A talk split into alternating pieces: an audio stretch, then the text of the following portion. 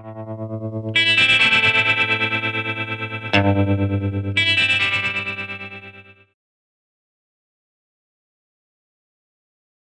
Dzień dobry i dziękuję za, bardzo za zaproszenie.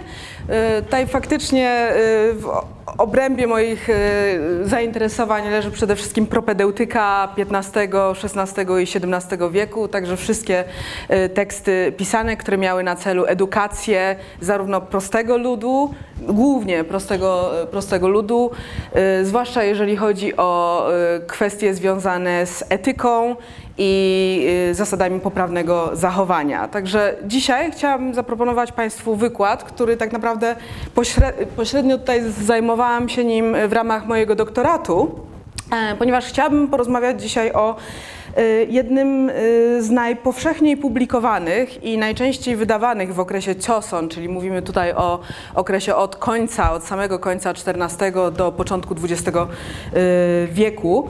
Y, W okresie Cioson do jednych do najczęściej wydawanych, wznawianych, edytowanych publikacji należał tak zwany ilustrowany przewodnik po trzech zasadach, który właśnie mia- miał na celu edukację prostego ludu co do podstawowych e, zasad etycznych, co do fundamentalnych postaw, e, które, e, na które opierał się tak naprawdę ta forma neokonfucjanizmu, która e, e, zyskała statut e, filozofii narodowej w okresie Cioson. Więc tutaj sobie pozwoliłam nawet przynieść wersję tej książki, tak e, fizycznej. E, To jest e, wersja e, oczywiście wznowiona w, XX wieku, ale wersja ilustrowanego przewodnika po trzech zasadach, tak jak została wydana w 1591 roku, więc tutaj e, może kogoś zainteresuje taka prawdziwa fizyczna kopia. Dzisiaj chciałabym, żebyśmy w ramach tutaj naszych przemyśleń zastanowili się, czym przede wszystkim są te trzy zasady postępowania, o których uczyła doktryna konfucjańska. E, Następnie właśnie jakie kroki podjęto w celu etycznej edukacji prostego ludu i też co e, było powiedzmy inspiracją dla e, e, tego. Także chciałabym się zastanowić, ponieważ tak jak mówię, było to jedno z najczęściej e, wydawanych dzieł w okresie ponad 500-letniej historii Cioson. Także chciałabym, żebyśmy się również wspólnie zastanowili, jakie zmiany, jakie, e, jakie wariacje tak naprawdę e, i, interpretacje cnót konfucjańskich funkcjonowały na przestrzeni stuleci.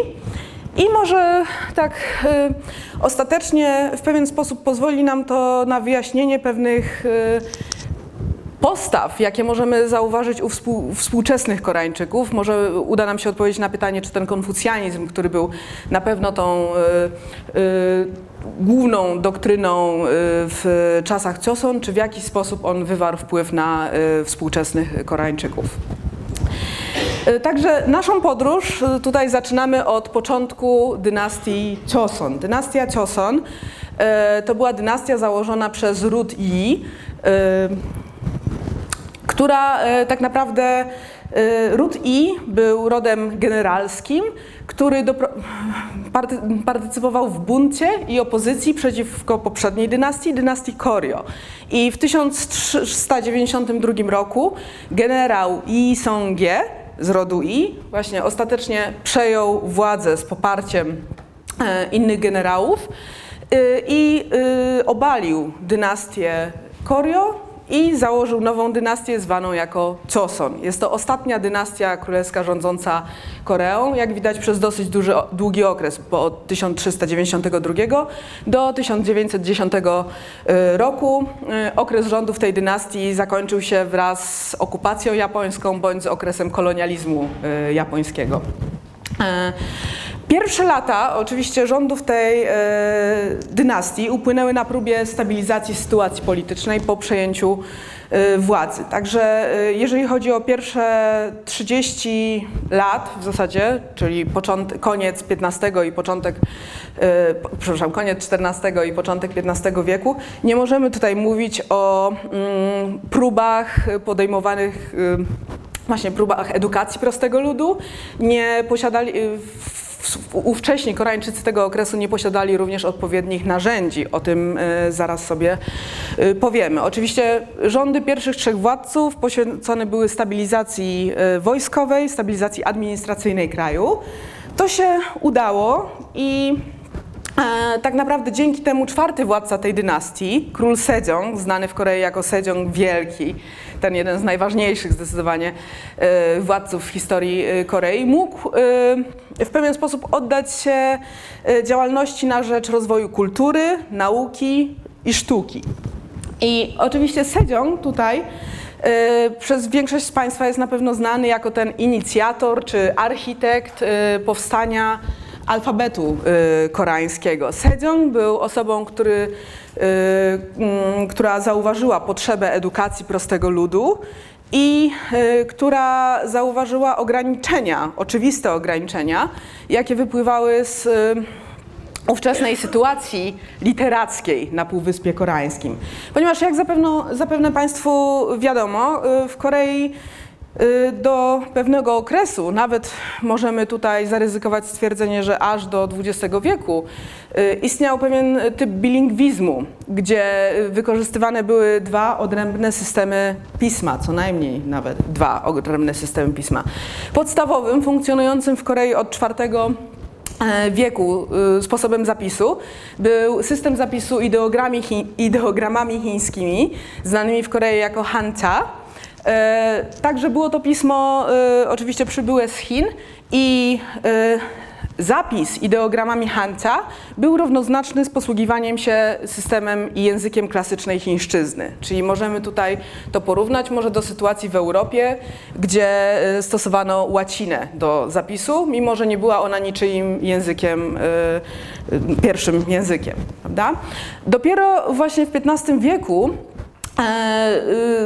być może z inicjatywy Sedzionga, być może z pomysłu Sedzionga, tutaj dzisiaj się nie będziemy nad tym też e, rozwodzić, powstał drugi system pisma. Tutaj już możemy spokojnie użyć terminu alfabet. Alfabet znany dzisiaj Państwu jako Hangul, e, który składa się podobnie jak e, alfabet łaciński, zespółgłosek i samogłosek, zwłaszcza w tej pierwszej formie. W dzisiejszych czasach w przypadku hangulu mówimy również o dyftongach, czyli podwójnych samogłoskach. Tutaj jest y, przykład właśnie pierwszej książki zapisanej przy pomocy tego nowo powstałego systemu pisma hangulu. Jest to mm, pierwsza strona tak zwanego Hunmin Jeongum Herye, czyli komentarzy do nauczania ludu poprawnej wymowy. Hunmin Jeongum Herye to była pierwsza i oryginalna nazwa Hangulu. E, ta, którą znamy dzisiaj, Hangul, e, została zaproponowana dopiero około 1910 roku. E, alfabet Hangul wprowadzał możliwość skrócenia procesu edukacji, jak na pewno łatwo sobie wyobrazić. Ideogramy chińskie, które liczymy w dziesiątkach tysięcy, na pewno nie są dostępne dla wszystkich. Wymagają bardzo y, długiego procesu nauki. I y, oczywiście prostszy lud nie mógł, sobie, nie mógł sobie pozwolić zarówno pod względem czasowym, jak i pod względem środków finansowych na naukę tego systemu pisma.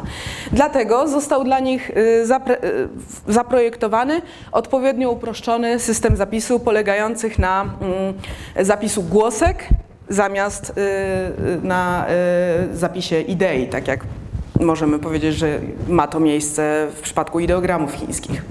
E, właśnie od razu dostrzeżono potencjał Hangulu, jeżeli chodzi o możliwość edukacji prostego ludu i zwłaszcza tutaj ta edukacja nie miała na celu mm, stworzenia nowej siły, nowych sił zawodowych.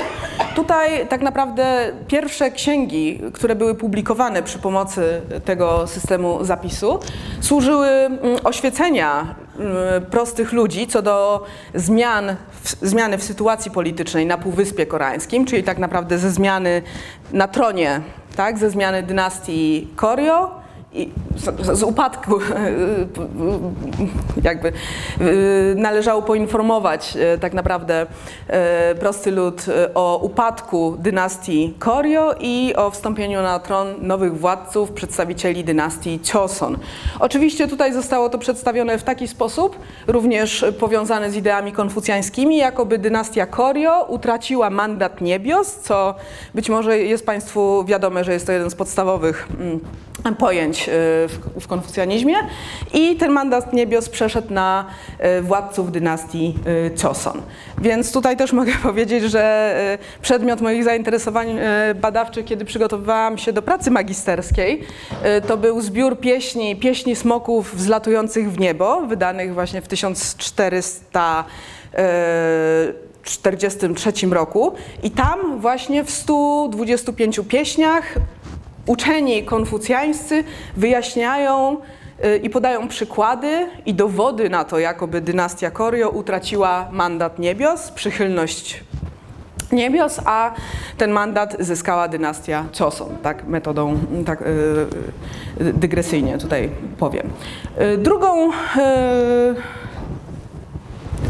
kwestią, co do której trzeba było pouczyć lud, to właśnie mm, zasady, jakimi rządził się konfucjanizm. Oczywiście w bardzo uproszczony, w bardzo uproszczony sposób należało przedstawić te y, zasady. Natomiast było to ważne, ponieważ konfucjanizm był też, o ile nie nową ideą, to taką, która w momencie e, wraz z umacnianiem się władzy dynastii Joseon umacniała swoją władzę na Półwyspie. Do tej pory różne inne systemy religijne bądź filozoficzne grały, że tak powiem, pierwsze skrzypce na Półwyspie Koreańskim i te zasady, które wnosił ze sobą Y, konfucjanizm, a wręcz ta bardzo skodyfikowana forma neokonfucjanizmu, nie były dla Koreańczyków instynktowne, dla prostych, dla, oczywiście dla prost, mówię tutaj o prostym y, y, ludzie koreańskim, nie były dla nich instynktowne, dlatego y, zaszła potrzeba y, pouczenia ich o mm, tych zasadach. Jeżeli chodzi o sam konfucjanizm, to tak jak już powiedziałam, y, Stał się on główny, główną doktryną filozoficzną y, w okresie dynastii Choson, chociaż na Półwyspie Koreańskim pojawił się już w IV wieku. Tutaj stosuje się taką umowną datę 372 rok. Jest to data założenia pierwszej akademii e, konfucjańskiej, jak również jest to umowna data e, e, w której wraz z konfucjanizmem również buddyzm i pismo chińskie zostało po raz, pierwszy, po raz pierwszy przedstawione na Półwyspie Koreańskim. Chociaż oczywiście mamy teraz już dowody archeologiczne na to, że to się mogło wydarzyć kilka lat wcześniej, natomiast nadal tutaj stosujemy tę umowną e, datę. W tych pierwszych stuleciach tak naprawdę konfucjanizm współistniał z innymi doktrynami filozoficznymi. Mówię tu głównie o szamanizmie, taoizmie i buddyzmie. Buddyzm przez wiele stuleci pełnił funkcję e, tej doktryny narodowej y, i za, zaczął zajmować wyjątkowo silną pozycję w okresie właśnie tej dynastii Koryo, czyli tej dynastii poprzedzającej okres Choson. Także w momencie, kiedy dynastia Koryo chyliła się ku upadkowi, buddyzm był... Mm, tak naprawdę jak skojarzenia z buddyzmem były jak najgorsze. najgorsze. Była to y, na tym etapie ta religia, czy ta, ten, ta filozofia, której przedstawiciele y, y, wzbogaca, wzbogacali się jakimiś nie do końca y, znanymi y, ścieżkami, tak, gdzie y, i tak naprawdę prosty lud czuł się uciśniony. Dlatego dynastia Choson, żeby odciąć się jak najbardziej od y, y, dynastii Koryo, odwróciła się również od buddyzmu, mimo że pierwsi władcy byli y, również y, zapalonymi buddystami i zwróciła się ku y, konfucjanizmowi. Między innymi dlatego, że konfucjanizm był bardzo użytecznym narzędziem centralizacji władzy. Jedna z podstawowych zasad konfucjanizmu mówi, że nie można służyć dwóm władcom, czy więcej niż jednemu władcy. Dlatego mm, ta nowa y, dynastia bardzo y, tutaj właśnie oparła się na tych y, zasadach, które wprowadzał neokonfucjanizm.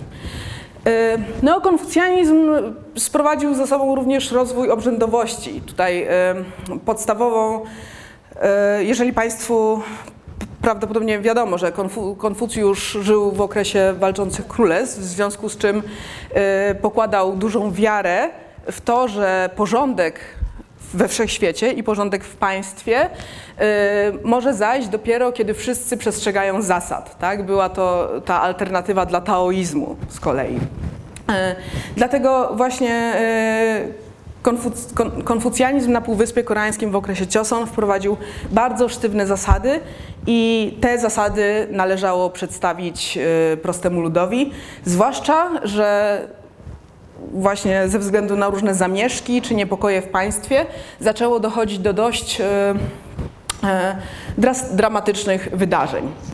O wszelkich wydarzeniach, jeżeli młody tutaj naukowiec chce się poświęcić e, okresowi historycznemu, jaki, jakim jest dynastia Cioson, to musi zajrzeć do tak zwanych roczników dynastii Cioson. Były to kroniki spisywane za życia każdego z władców, ale publikowane dopiero po jego śmierci. Miało to zapewnić jak największą obiektywność i jakby zwolnić y, historyków ze strachu przed wpływami y, króla i przed jakimiś naciskami, żeby zmienić zapiski, które, czy notatki, które poczynili. Także zapis, roczniki dynastii Joseon są dzisiaj uznawane za niezwykle wiarygodne źródło wiedzy o mm, historii tej e, dynastii. Może z wyjątkiem dwóch ostatnich władców, kiedy tam uważa się, że wpływy japońskie mogły w jakiś sposób e, no, doprowadzić do pewnych zmian, czy wręcz przepisania historii.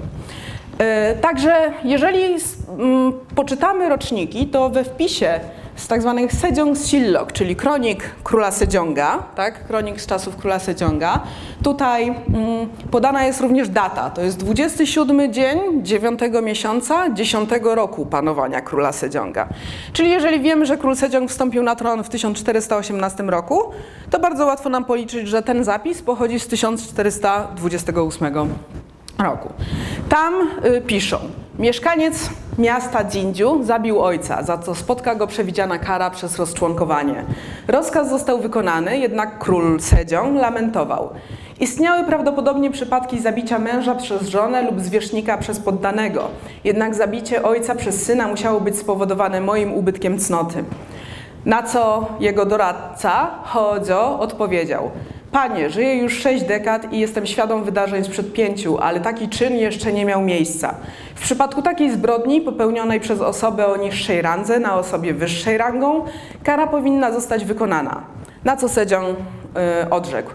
Po, mm, po tym zdarzeniu Twoje słowa powinny wejść w życie, jednak nie sądzę, że prawidłowe byłoby dodanie ich do kodeksu praw. A Chodze odpowiedział, jednak w przypadku takiego wydarzenia trzeba poszukać sposobu, aby pouczyć o nim lud. Było to w roku 1428.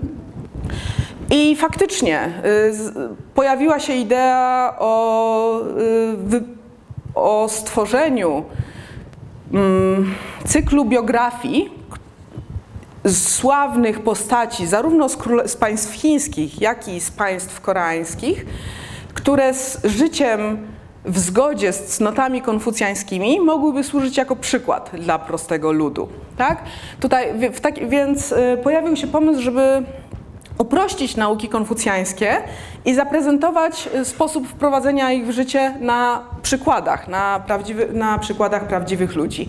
I tak y, doszło do kompilacji i publikacji ilustrowanego przewodnika po trzech zasadach, czyli tej książki, którą właśnie tam ktoś gdzieś trzyma w ręku właśnie. E, ilustrowany przewodnik po trzech zasadach, który nosi koreańską nazwę Samgang Hensildo, to jeszcze raz tutaj pozwolę sobie powtórzyć, jedno z najczęściej wznawianych, edytowanych i zmienianych e, e, tekstów w okresie dynastii Choson. Po raz pierwszy Pierwsza kompilacja i wydanie zostało ukończone w 1434 roku, czyli jeszcze przed pojawieniem się y, rodzimego alfabetu koreańskiego, do czego zaraz wrócimy. E, tutaj mm, e, też, jak Państwo mogą zauważyć, kompozycja tej książki była bardzo charakterystyczna dla podobnych tekstów propede- propedeutycznych wydawanych zarówno w Chinach, jak i później y, w Korei. Ponieważ były to biografie cnotliwych y, ludzi, podzielono, y, księgę podzielono na trzy tomy. Pierwszy tom zatytułowany jest po koreańsku Hyodzia, więc no, w dosyć dużym uproszczeniu możemy to przetłumaczyć jako cnota synowska bądź pobożność synowska. O, na, natomiast y, właśnie pomówimy sobie y, dzisiaj, mam nadzieję, w trakcie mojego wystąpienia o tym, co tak naprawdę było tą cnotą i tym poprawnym y, zachowaniem, jeżeli chodzi o y, nie tylko syna, bo również mogło to obejmować córki i innych członków rodziny. Dru, drugi tom i druga cnota to tak zwana cnota Chungsin. Ona opisuje sposób postępowania lojalnych poddanych. I ostatnia cnót, cnota Jollio, opisuje y, cnotę kobiecą. I znowu terminu cnota używam tutaj w kontekście cnoty konfucjańskiej, tak? czyli chodzi tutaj o oddaną żonę, dobrą matkę i córkę. Więc y, taki podział został zastosowany po raz pierwszy w 1434 roku i funkcjonował do samego y, końca. Ostatni tekst y, Samgang Hensildo był wydawany jeszcze osiem, pod koniec XVIII wieku. I również w tej samej formie mogą Państwo oglądać tę książkę tutaj na sali. Każda z biografii była zbudowana y, w pewien bardzo konkretny sposób, który miał na celu y, tak naprawdę zmaksymalizować y, łatwość zrozumienia historii. I to też nam wyjaśnia tę kwestię ilustrowanego przewodnika.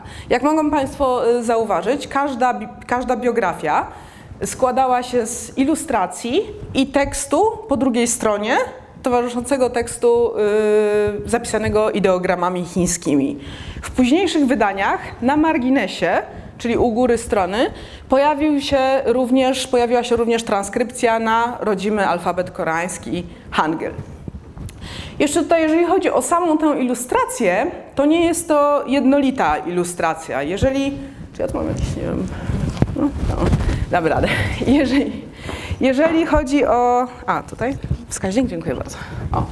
Jeżeli zobaczą Państwo, to jest e, przykład mm, cnoty synowskiej e, z księgi Hiodzia, tak zwany nubek łapie tygrysa, czyli o synu, który, mm, którego ojciec zginął y, zagryziony przez tygrysa i Nubek udał się w góry za tym tygrysem i zabiwszy go odprawił mm, e, właściwy trzyletni okres żałoby po własnym ojcu. Natomiast jeżeli teraz skupimy się na samym obrazku, to możemy zauważyć, że mm, w niektórych miejscach nad jedną postacią znajdują się ideogramy chińskie. Y, Ponieważ, tak jak mówię, nie jest to jednorodny obrazek, raczej bardziej to przypomina historię komiksową, ponieważ tutaj na tej ilustracji znajdują się tak naprawdę trzy sceny, które odpowiadają ciągowi tej opowieści. I na każdej, w każdej scenie właśnie postać głównego bohatera, postać protagonisty Nubeka jest podpisana, więc wiemy o kim mowa. I Teraz taki tekst prezentowany był w następujący sposób. Skryba y, czytał y, zapisany po jednej stronie tekst ideogramami chińskimi, a prosty, niepiśmienny lud mógł w tym czasie śledzić tę historię, która y, zaprezentowana była na odwrocie. Y, Uważa się, że ten zapis, ten później, to późniejsze tłumaczenie Hangulem było jedynie komentarzem do tekstu, które miało uprościć mm, odbiór. Jednak ja w efekcie swoich badań doktoranckich doszłam do wniosku, że te teksty powinny być zupełnie, y, te teksty zapisane y, alfabetem koreańskim powinny być również zrozumiałe dla osoby nieznającej pierwotnie historii.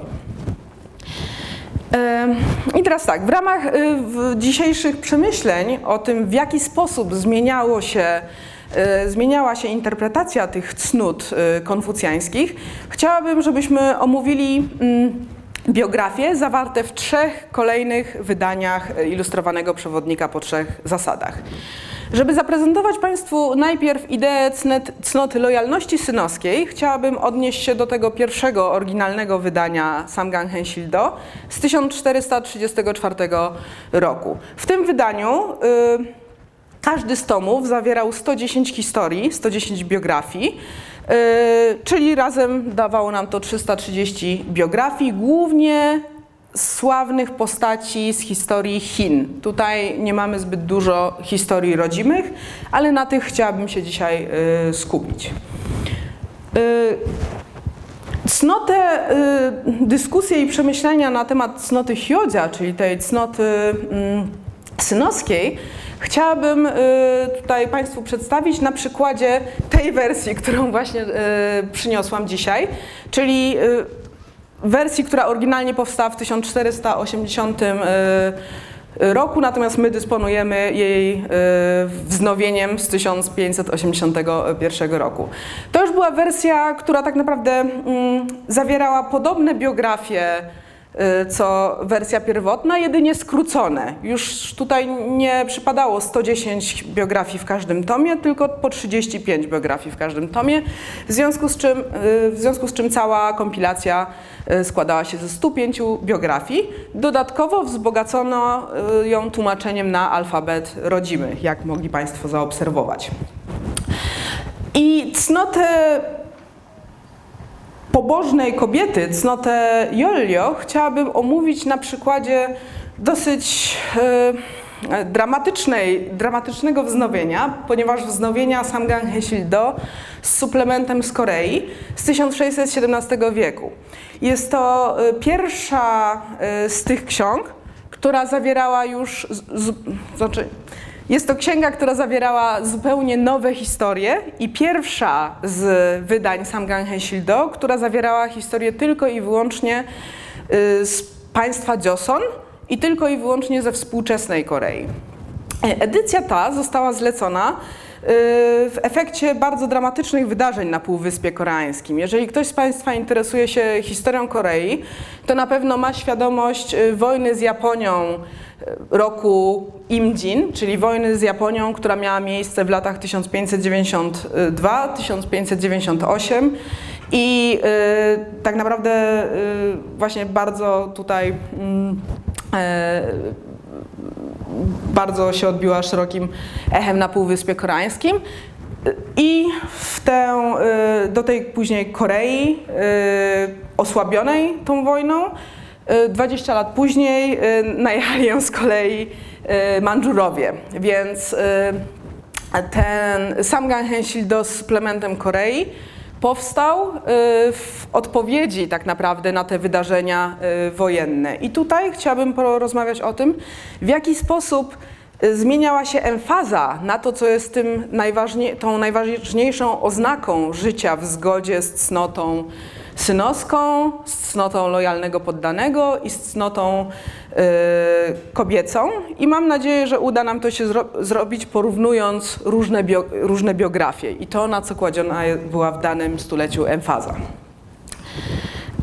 Y, zaczniemy zatem od lojalnych poddanych, od przykładów cnoty Chungsin. Y, w wydaniu z 1434 roku, tak jak mówiłam, znajduje się 110 biografii, natomiast tylko około 10% to są y, historie rodzime. Większość pochodzi z różnych y, państw chińskich. Mm.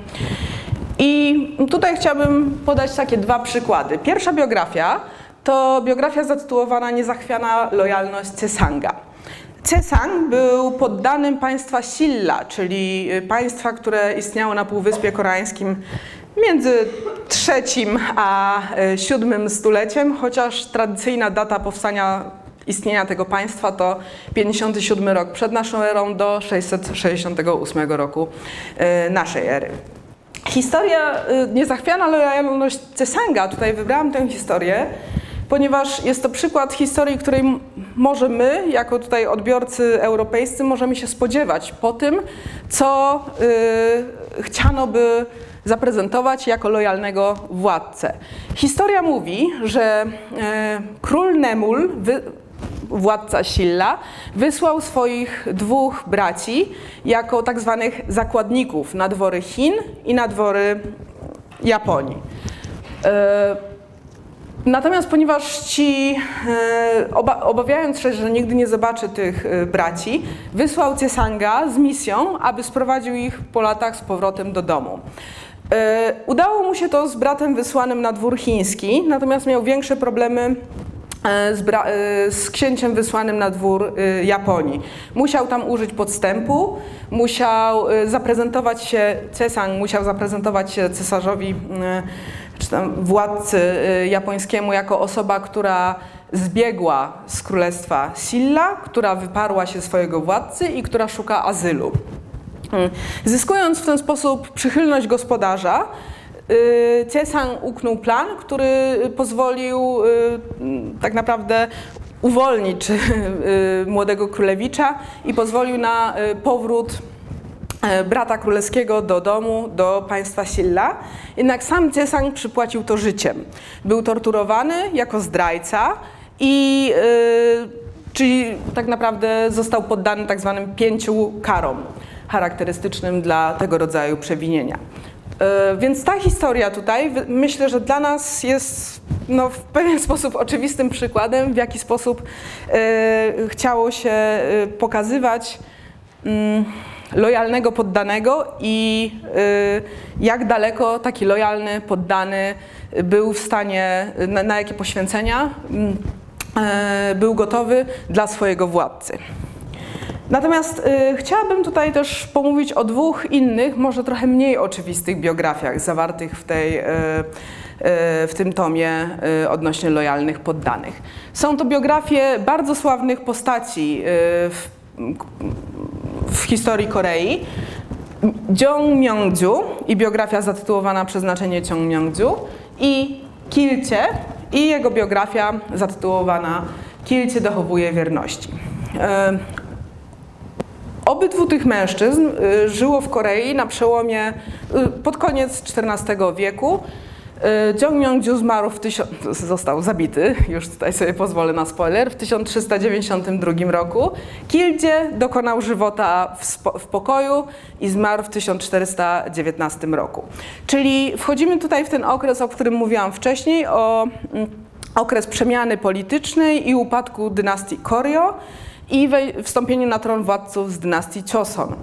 Tak więc obydwie te biografie opisują Jong Myung-ju i Kildzie jako wysoko postawionych urzędników dworskich na dworze Koryo, którzy w wyniku mm, przetasowań politycznych i yy, tak naprawdę zmieniającej się dynastii postanowili dochować wierności władcom dynastii yy, Koryo. Yy, Obydwie te biografie zostały, mm, są powszechnie znane tak naprawdę do dziś na Półwyspie Koreańskim. Y, W obydwu tych biografiach pada argument y, Jong Myung-ju i Kildzie jako, y, mm, jako osób, które nie chciały się opowiedzieć za nowo y, powstałą dynastią Choson, ponieważ y, cy, cytowali cały czas konfucjańską zasadę tego, że można służyć tylko jednemu panu. To był bardzo ważny punkt niezgody między uczonymi konfucjańskimi. Oczywiście część z nich na podstawie tej idei opowiedziała się za dynastią Koryo, gdyż ponieważ to im pierwszym obiecała, obiecali lojalność, także część uczonych konfucjańskich y, została po y, stronie dynastii Koryo i większość z nich straciła życie. Natomiast y, druga grupa zinterpretowała tę zasadę, że faktycznie nie można służyć e, dwóm władcom, ale dynastia Koryo straciła mandat niebios, w związku z czym już nie są władcami, w związku z czym uczeni konfucjańscy mogą opowiedzieć się teraz po stronie dynastii e, Choson.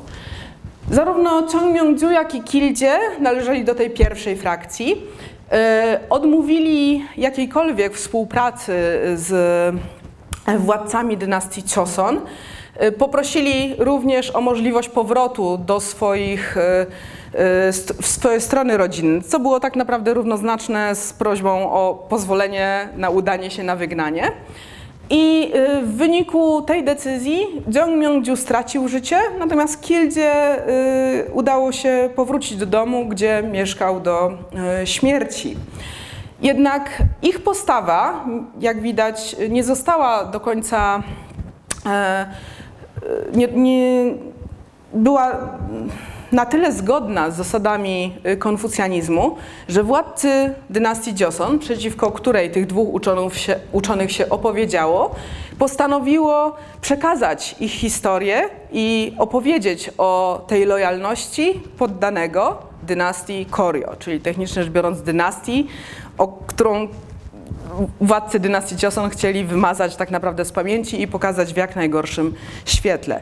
Także tutaj mam nadzieję przykład tej y, biografii pokazuje, że lojalny poddany to nie jest tylko osoba, która potakuje swojemu władcy i godzi się tylko na poświęcenie życia, ale to jest również y, postać, która jest w stanie sprzeciwić się władcy, jeżeli uważa, że on postępuje niezgodnie z zasadami, które dyktował konfucjanizm. Mhm. Następnie chciałabym powiedzieć, opowiedzieć o przykładzie e, cnoty synowskiej, które pojawiały się w wydaniu Samgang Hensildo z 1490 i 1581 roku, czyli e, tej kopii, którą ktoś z Państwa, mam nadzieję, trzyma w rękach. E, tak jak mówiłam, różnice między pierwszym wydaniem a tą wersją nie są duże. Tak naprawdę chodzi tutaj o ograniczenie ilości biografii i y, dodanie tłumaczenia na y, alfabet koreański. Jednak y, tak naprawdę właśnie to, które biografie zostały wycięte z tej kompilacji, a które zostały, mogą nam powiedzieć bardzo wiele o tym, w jaki sposób zmieniła się interpretacja zasad konfucjańskich na przestrzeni tak naprawdę 60 lat. Takim sztampowym przykładem y, historii, która nie została zawarta w tej skróconej, y, późniejszej wersji, jest między innymi biografia y, chińskiego uczonego, młodego urzędnika, który y, opuścił swój urząd, aby podążyć y, i odnaleźć swoją matkę, która została odprawiona przez y, ojca. Ta biografia nie została mm, E, zawarta we wznowieniu, głównie dlatego, że argumentowano, że właśnie urzędnik konfucjański nie może dopuścić się do takich czynów, nie może poświęcić swojego urzędu i swojego obowiązku. Natomiast dla mnie jeszcze ciekawszy jest, jest wybór rodzimych biografii. Mianowicie chodzi mi o biografię, która została zawarta w tej wersji, zatytułowaną Sokcin traci palec. W tej y, pierwotnej, w pierwszym wydaniu z 1434 roku historii podobnych, bohater, protagonista traci y, palec, było y, ponad 15. W wersji z 1490 roku pozostała tylko ta jedna. I teraz dlaczego? Cała biografia tutaj opisuje postać Sokcina, którego ojciec mm, zapadł na jakąś niewytłumaczalną chorobę, która prowadziła do tego, że kilka razy dziennie tracił y, świadomość. Sokcin usłyszał o tym, że lekarstwo z krwi, z krwi syna wymieszane, wymieszane jest pewnymi ziołami, może ozdrowić ojca. Dlatego dobrowolnie odciął sobie palec i z krwi właśnie, y, która wypłynęła, y, stworzył lekarstwo, które ostatecznie miało uleczyć y, ojca. Jest to przykład, jest to wyraźny przykład na poświęcenie, które dziecko, y, do, do którego jest zdolne dziecko, aby opiekować się jak najlepiej swoimi rodzicami. Natomiast, tak jak mówię, biografie tego typu zostały poddane bardzo szerokiej cenzurze w tym późniejszym wydaniu. Dlaczego? Tutaj, y, żeby odpowiedzieć sobie na to pytanie, musimy cofnąć się do i musimy tak naprawdę dowiedzieć się, co o cnocie synowskiej i właściwym postępowaniu w zgodzie z tą cnotą mówi Księga Nabożności Synowskiej, czyli chiński klasyk poświęcony poprawnym, poprawnemu zachowaniu. A mianowicie Księga Nabożności Synowskiej mówi, że nasze ciało, włączając w to każdy włos i każdą komórkę, otrzymaliśmy od rodziców. Dlatego nie wolno nam poczynić żadnych działań, aby je uszkodzić czy zranić. Od tego zaczyna się cnota synowska. Także ta interpretacja cnoty synowskiej jako nie tylko dbanie o swoich rodziców, ale również o jak największą dbałość o własne ciało, jako to dane nam przez rodziców, doprowadziło do ostrej cenzury wszystkich biografii, które skupiały się na, y, na bohaterach, którzy zadawali sobie jakąś krzywdę dla dobra rodziców. Tego typu biografii było y, więcej w pierwszej wersji, między innymi mm, przykłady syna, który odkrawał sobie kawałek uda, żeby nakarmić rodziców, przykłady dziecka, które leżało y, na zamarzniętym jeziorze, żeby y, stopić lód ciepłą, ciepłem swojego ciała i z, z przerębla wyłowić rybę dla y, rodziców. Wszystkie podobne mm, biografie zostały usunięte z tej nowszej wersji w myśl interpretacji właśnie tej nauki o poprawnym Y, o życiu w zgodzie z cnotą synowską. Mm. Najbardziej złożone przemiany przeszły biografie dotyczące Jolio, czyli cnotliwych kobiet, cnoty y, kobiecej, pobożności kobiecej, y, zasad związanych z właściwym zachowaniem dobrej matki, dobrej żony, dobrej córki, Głów, tylko, że córki głównie dla tak naprawdę rodziców męża. Żadna biografia nie podaje przykładu cnoty, tak, jakby córki poświęcającej się dla własnych rodziców. Najczęściej chodzi tutaj o rodzinę męża. Um, i tutaj, jeżeli chodzi o dobór biografii, mamy bardzo y, wyraźne różnice między biografiami zawartymi w wersji z 1490 roku, czyli tej wersji, którą y, mogą Państwo oglądać, a tymi z wydania z 1617 roku. Tak jak y, mówiłam wcześniej, to wydanie z 1617 roku zostało skompilowane w wyniku mm, e, tak naprawdę strat, i y, dramatu, jakie zaszły na Półwyspie Koreańskim y, w wyniku wojny z Japonią i y, najazdów mandżurskich. Dlatego teraz podając pewne przykłady biografii będę też mówiła o przestępstwach, jakie popełnia wojsko na ludności cywilnej. Tak tylko tutaj ostrzegam. Jeżeli chodzi o biografię z 1490 roku, to mm, oczywiście podają one przykłady y, dobrej żony, która jest w stanie y, na olbrzymie poświęcenia, głównie dla swojego męża, również dla jego rodziny. Takim przykładem, jeżeli chodzi o biografię koreańskie, jest na przykład Pani Kim uderza tygrysa, biografia, która znajduje się w tej wersji z 1490 roku, jako chyba przedostatnia biografia, biografia o ile się nie mylę.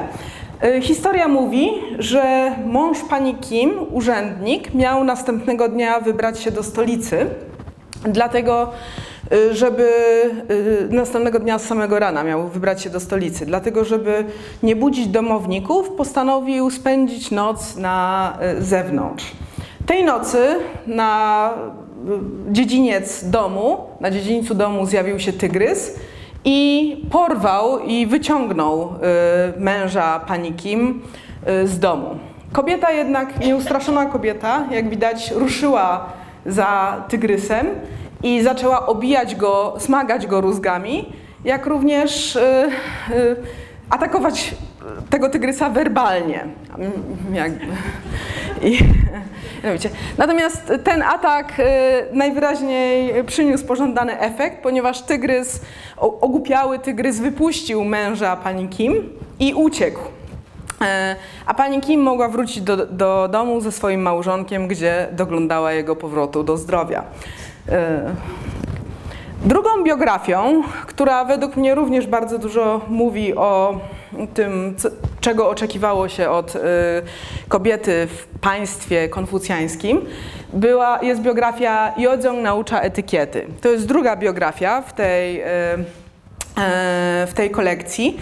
I biografia rodem z Chin. To nie jest biografia rodzima, jest to biografia chińskiej kobiety, która mówi o tym, że urzędnik pani Jodzią to nie jest jej nazwisko, to jest tytuł właśnie dostojnej kobiety, kobiety, która żyła w zgodzie E, z naukami konfucjańskimi, więc tak naprawdę nawet nie znamy jej imienia. W każdym razie e, biografia mm, tutaj mówi, że mąż tej kobiety został awansował e, w swojej karierze urzędniczej i został wysłany do innego miasta.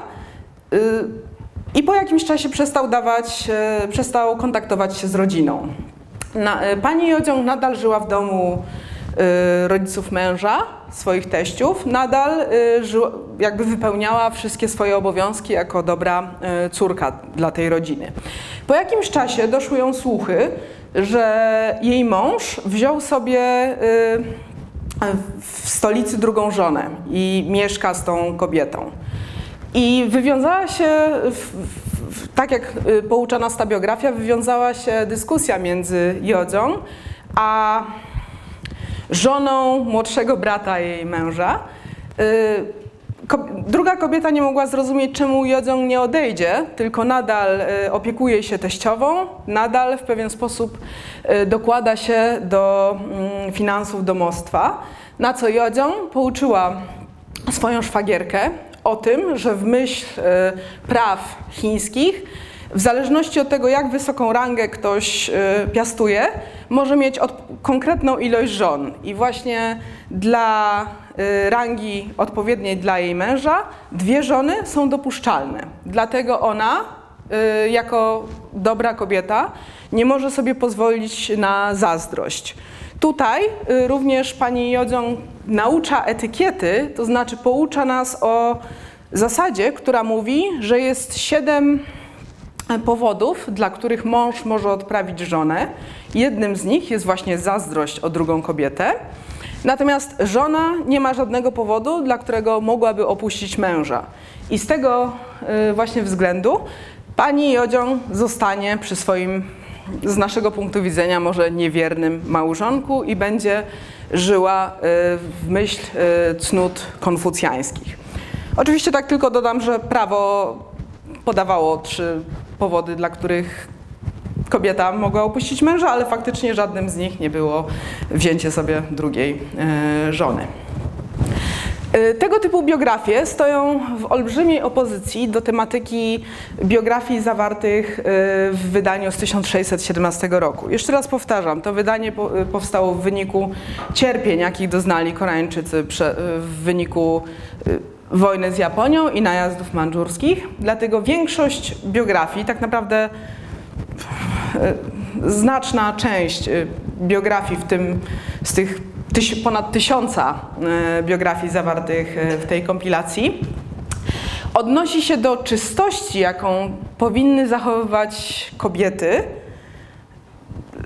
Czy tak naprawdę, może tutaj czystość nie jest najlepszym słowem, ale do wagi, jak, jakie,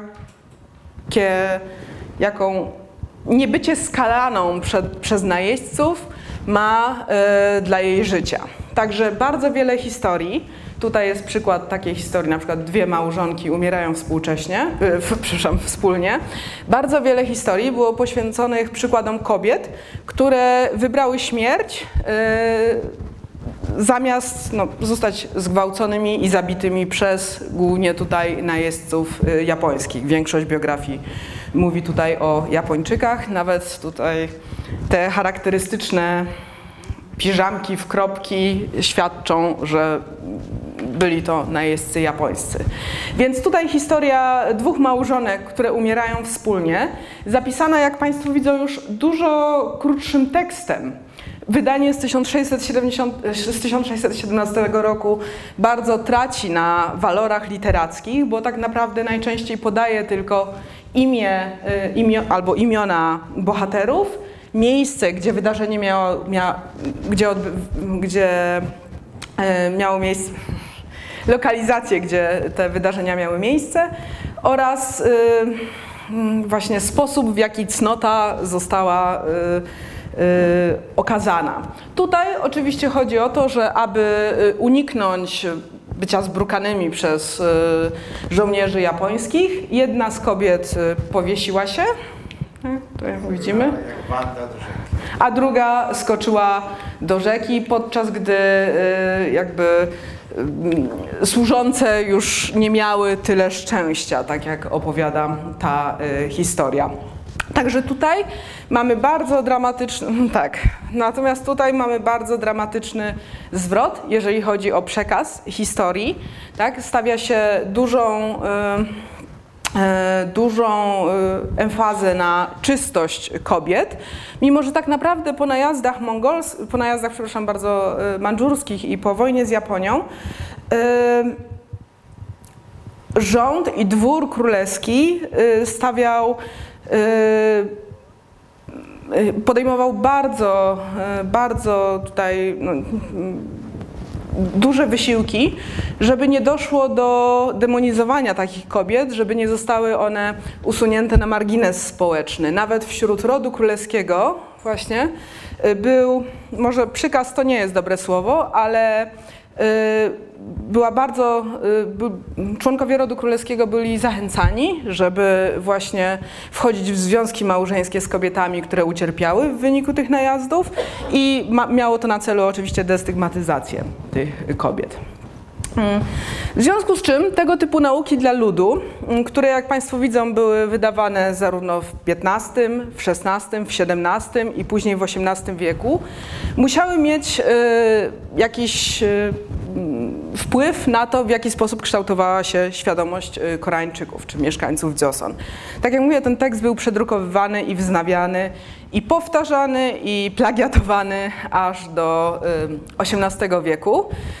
E, pod koniec XIX wieku i na początku XX wieku również przykłady osób, które e, właśnie e, żyły w zgodzie z zasadami, z tymi trzema fundamentalnymi postawami etycznymi, konfucjańskimi, ich historię zamieszczano w gazetach, czyli na przykład historia młodej żony, która popełniła dobrowolne samobójstwo po śmierci męża, albo historia młodego syna, który mm, e, w jakiś sposób poświęcił się dla rodziców. Wszystkie, te, wszystkie tego typu historie były bardzo chętnie przedrukowane, przedrukowywane w gazetach i nawet jeszcze w XX wieku można spotkać przykłady nowych historii wynikających z tej e, kilkusetletniej indoktrynacji. W wyniku e, takich w wyniku propagowania takich postaw możemy się y, zastanowić, jak ta idea cnoty synowskiej w dzisiejszych czasach kładzie odpowiedzialność y, opieki y, nad rodzicami, w jaki sposób dzieci w dzisiejszych czasach muszą mm, muszą się poświęcać dobrowolnie, czy też pod presją społeczeństwa dla y, rodziców, a także w jaki sposób rząd wykorzystu wykorzystuje takie y, te idee. Może Państwo słyszeli, że bardzo wielu starszych członków społeczeństwa koreańskiego żyje w, w, bardzo skromnych warunkach. Ma to między innymi, wynika to między innymi z bardzo niskich rent, które są przyznawane y, członkom y, właśnie emerytom w Korei. I bardzo często argument jest taki, że należy powiązać na przykład wysokość y, renty bądź emerytury z wysokością zarobków najstarszego syna bądź, bądź dzieci y, y, emerytowanych rodziców, ponieważ w myśl zasady, w myśl tej cnoty Hyodzia, to na najstarszym synu spoczywa odpowiedzialność za opiekę nad rodzicami. Ale również na najstarszym synu spoczywa odpowiedzialność za opiekę nad całym klanem, więc tutaj prawda, warto się zastanowić, czy oczywiście jakaś pomoc materialna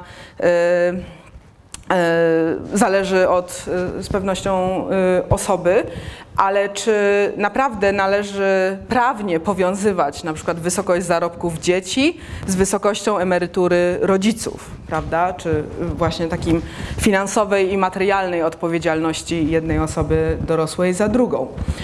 Również możemy się zastanowić nad tym, w jaki sposób W dzisiejszych czasach mówi się o powinności kobiet względem własnej rodziny, względem rodziny męża i o stosunkach i w jaki sposób maluje się obraz stosunków między kobietą a teściową. Oraz czy w dzisiejszych y, czasach jeszcze autonomia żony, zarówno materialna, jak i psychologiczna, jest ograniczona, czy może jednak Koreańczykom udało się y, w jakiś sposób oderwać od tych konfucjańskich, y, y, od tej formy indoktrynacji, która miała miejsce na Półwyspie Koreańskim. Więc dziękuję bardzo za uwagę.